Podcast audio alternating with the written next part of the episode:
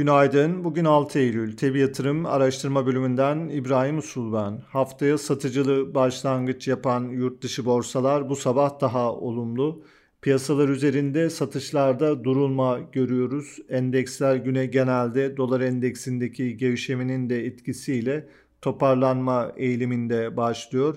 Amerikan endeksleri vadeli tarafta yukarıda. Çin Merkez Bankası bankaların zorunlu karşılıklarında 200 baz puanlık indirime gidileceğini açıkladı. Çin yönetiminin ekonomik teşvikleri sürdürmesi bekleniyor.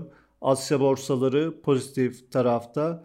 Avrupa tarafında endekslerin hafta başındaki değer kayıplarının sonrasında bugün güne hafif yukarıda başlaması bekleniyor. Ons altın güne başlarken yukarıda ons fiyatı yeniden 1715 dolar seviyesinin üzerine döndü. OPEC ve OPEC dışı ülkelerin dünkü toplantısı sonrası petrol fiyatları hafif yükseldi. Brent tipi petrol bu sabah 95 dolar seviyesinde. Geçen hafta içinde 92 dolar seviyesinin altı test edilmişti. Amerika'da bugün hizmet sektörü PMI ve ISM endeksleri gelecek. Avrupa tarafında önemli bir veri akışı bulunmuyor. Perşembe günü Avrupa Merkez Bankası toplantısı olacak. Gösterge faizlerde en az 50 bas puanlık yeni bir artışa gidileceği beklentisi devam ediyor.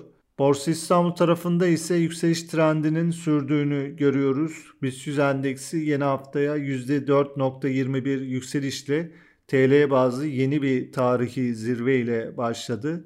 Endeks ABD doları bazında 2021 Mart'tan bu yana en yüksek seviyeye yükseldi.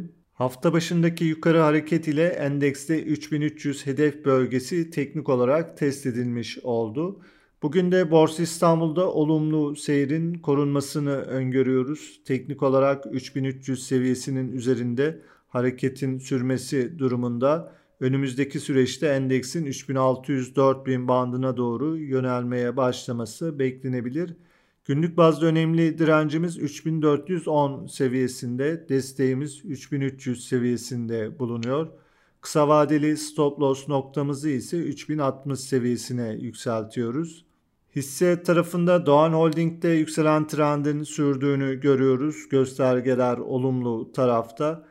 Ayrıca teknik olarak Anadolu Efes, Akbank, Aksa Akrilik, Coca-Cola, Koza Altın, Koza Anadolu, TAV Havalimanları, Tekfen Holding, Tüpraş hisselerine olumlu tarafta bakılabilir. Piyasaları değerlendirmeye devam edeceğiz. Tabi yatırım olarak herkese iyi bir gün dileriz.